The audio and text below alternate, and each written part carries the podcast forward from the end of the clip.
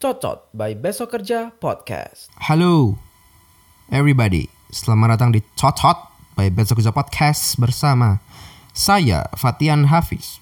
Sudah lama kita tidak eh, ini ya, tidak menyocot-nyocot Ria. Terakhir itu kalau nggak salah ngomongin ngomongin ah ngomongin ini kasusnya Mbak Imbong. kasusnya Mbak Imbong sama kakek-kakek. Itu udah lama banget itu. Nah, kali ini eh, aku mau ngomongin tentang eh, sebuah berita yang baru aja eh, viral di aku nggak tahu ya. Aku nggak main Twitter sih, tapi di Instagram sih lumayan viral. Yaitu adalah cerita tentang seorang mahasiswa yang daftar PNS, skornya tertinggi, tapi eh, ditolak karena secara fisik dia tidak memenuhi syarat. Apa itu? Katanya dia itu laki-laki tapi memiliki eh, payudara yang gede dengan kata lainnya gendut lah ya orang gendut kan ada teteknya sama kakinya tuh X X 10 cm gitu kalau nggak salah nah, akhirnya atas dasar itu dia ditolak eh, sama eh, kementerian yang dia daftar di situ nah sebelum kita bahas ke situ sebetulnya aku udah lama pengen bahas eh, tentang PNS. PNS nih ini ya pegawai negeri Slovakia ya. Jadi it has nothing to do dengan eh, PNS di negara ini ya. Nah, aku udah lama pengen ngomongin PNS. Kenapa? Karena memang PNS kan belakangan rame kan. Maksudnya bar- eh, beberapa minggu terakhir ini kan orang-orang pada buka pengumuman gitu yang tesnya di tahun 2021 itu kan akhirnya mereka buka pengumuman so akhirnya pada keterima pada nggak keterima gitu nah rame nih rame nih nah se- sebelum kita membahas kasus yang tadi gitu aku mau membahas tentang eh, profesi ini sebetulnya profesi yang dari zaman aku nggak tahu kapan tapi kalau aku diceritain itu zaman kakek nenek, zaman kakek nenekku, itu tuh PNS itu memang jadi profesi idaman semua orang gitu. Jadi profesi idaman semua orang ya karena ya aku nggak akan sebut eh, maksudnya motivasinya apa gitu ya. Tapi itu memang pada zaman itu itu berarti kan kakek nenek itu kan dua generasi di atasku ya dan Oh enggak, berarti ketika kakek nenek lagi nyari jodoh, berarti tiga generasi di atas kita berarti. Itu tuh PNS itu jadi pekerjaan idaman gitu. Nah, yang jadi pertanyaan adalah sampai detik ini profesi ini tuh masih jadi idaman semua orang gitu. Aku nggak ngerti kenapa. Apakah itu bukti bahwa eh, pola pikir orang-orang tidak berkembang atau memang profesi ini tuh sebegitu seksinya untuk direbutin sama semua orang. Nah, sebetulnya itu opini yang mengganggu bahwa apa? Bahwa PNS itu seperti eh, dianggap sebagai profesi yang lebih tinggi dari profesi yang lain. Itulah nggak gini-gini. Sebetulnya itu kan anggapan yang mengganggu. Jadi misalnya ada dua karyawan ya, satu swasta, satu negeri gitu. Atau B, atau PNS atau BUMN lah ya. Nah, somehow somehow karyawan yang kerja di eh, apa namanya di kalau non apa kalau ini kan private sector ya kalau negeri itu apa ya bahasa Inggrisnya?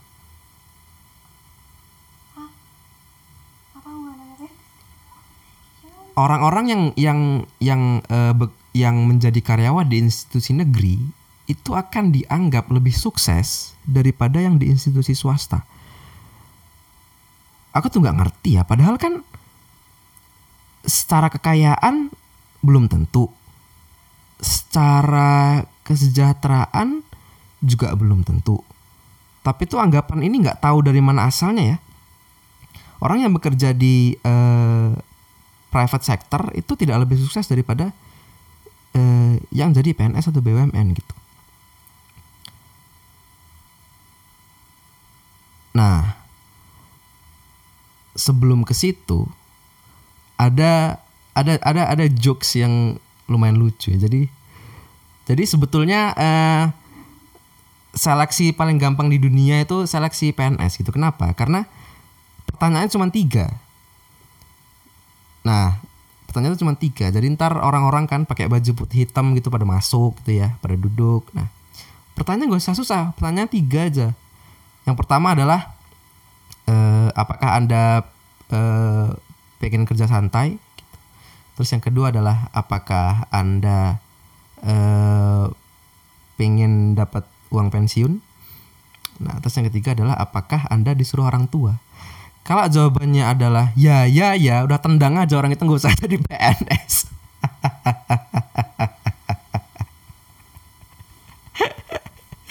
Kenapa? Karena ya ironically speaking itu yang dicari gitu. Kayak nggak ada orang yang passionnya membangun negeri itu nggak ada, nggak ada, nggak ada orang yang eh, pengetahuan kebangsaannya sebegitu bagusnya sampai akhirnya dia keterima PNS itu nggak ada. Orang itu belajar kebangsaan ya karena mau tes tes CPNS gitu. Yang dicari ya kerja santai dan eh, jaminan masa tua gitu. Itu yang dicari. Nah, terus mungkin kan orang-orang bakal apa kayak lah Hafiz tai lah gitu kayak sok-sok idealis atau apa. Ya sekarang gini. Eh apa namanya? Aku nggak akan berani ngomong kayak gini kalau misalnya aku nggak tahu apa yang terjadi gitu. Ibuku PNS gitu. Ibuku PNS terus eh buleku PNS, mertuaku PNS gitu. Jadi untuk ngata-ngatain PNS itu sebetulnya apa ya? Ya ya karena ya karena aku tahu hidupnya PNS itu seperti apa gitu. Jadi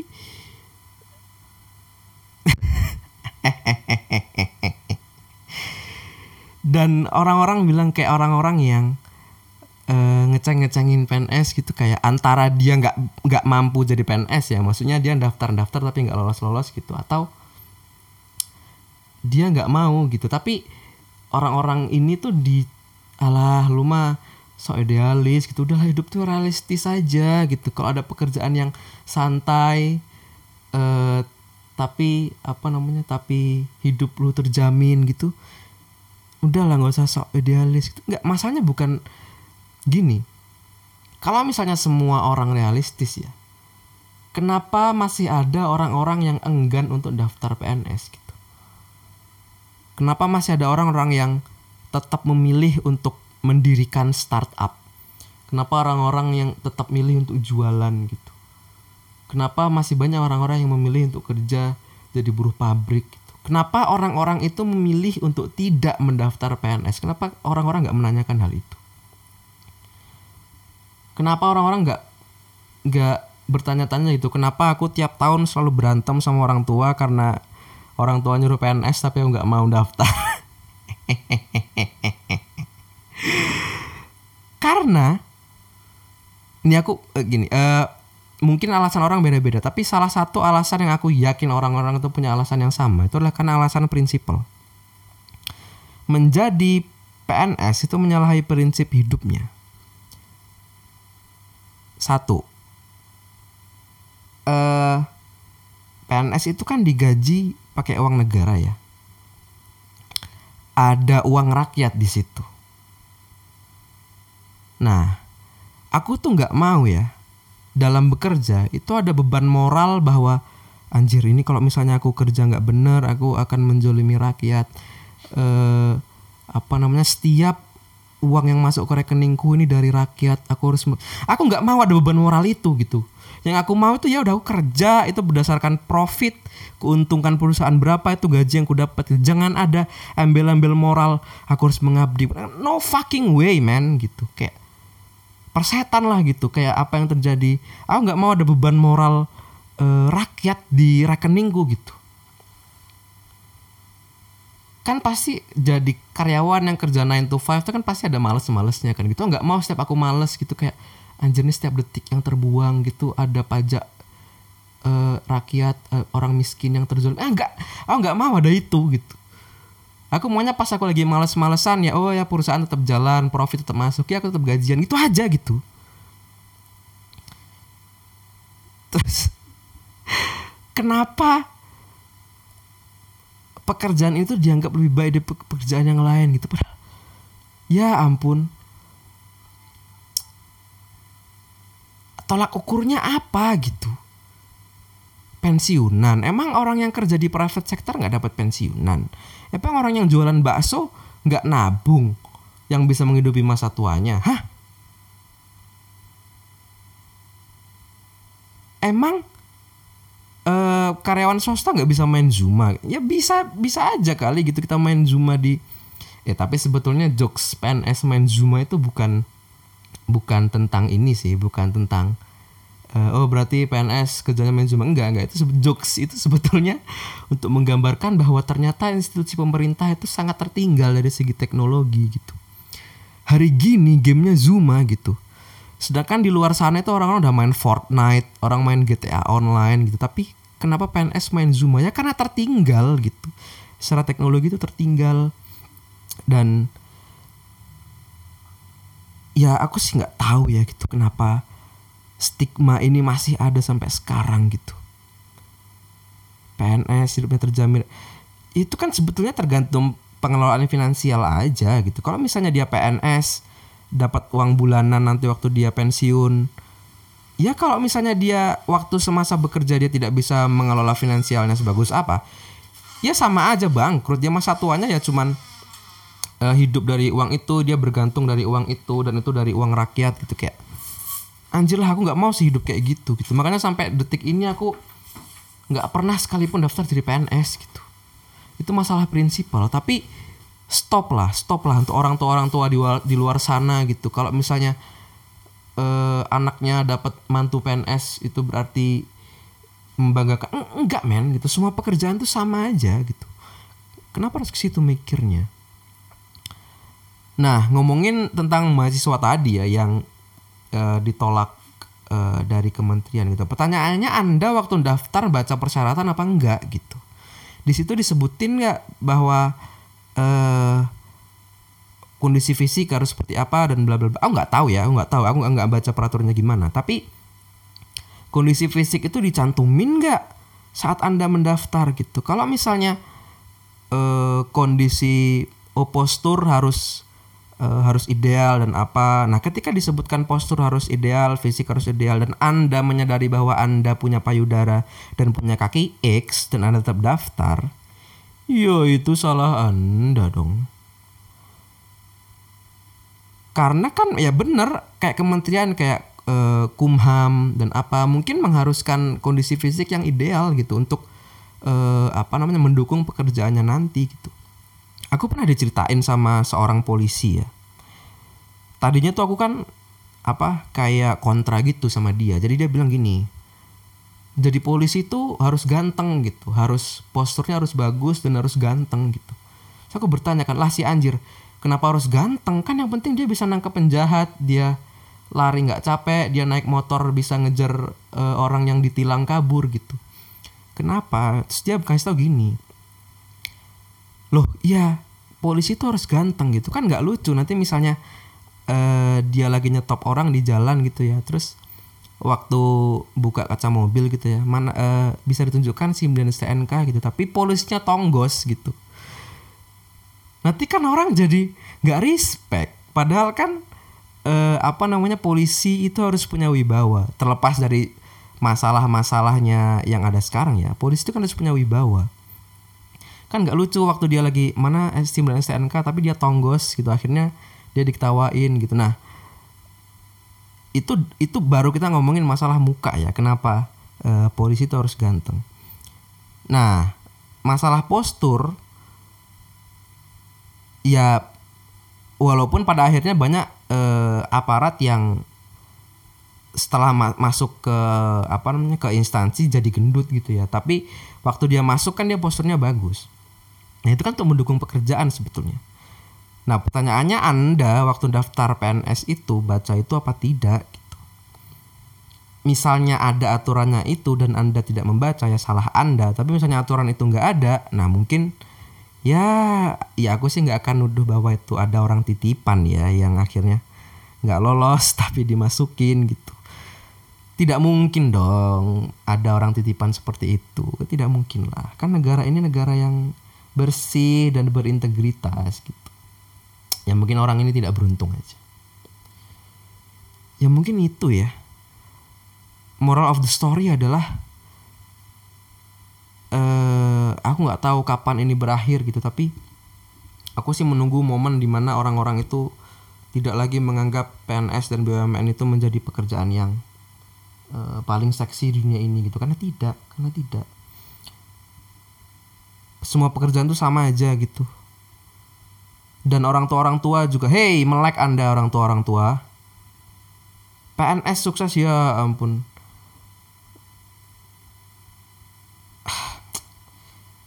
eh ubahlah pola pikir anda gitu. Ini udah tahun 2022 gitu. Sebetulnya kalau misalnya ditanya pekerjaan apa yang paling baik adalah pekerjaan yang yang apa ya? Yang pada akhirnya dikerjakan dengan bahagia gitu. Mungkin pada awalnya banyak pekerjaan yang dijalani dengan terpaksa gitu tapi katakanlah misalnya kayak kayak aku gitu ya sekarang kan aku jadi buruh pabrik. Apa aku apa aku bahagia jadi buruh pabrik? Enggak gitu. aku tuh kalau misalnya bahagia tuh ya jadi kayak kayak gini gitu bacot eh, bikin konten dan apa gitu. Tapi in a way untuk bisa ke situ kan aku harus mengumpulkan pundi-pundi mengumpulkan uang dan apa gitu. Ya tapi akan end up di situ gitu. Sedangkan PNS kan seumur hidup ya. PNS itu boleh resign gak sih? Nggak boleh kan? Boleh. Boleh ya ada sanksi apa nggak? Nggak tahu kayaknya ada. Ya maksudnya orang yang ada nggak boleh masuk lagi. Nggak boleh masuk lagi. Maksudnya tapi jarang banget kan PNS resignnya ada kok. Biasanya kalau resign gitu alasannya apa?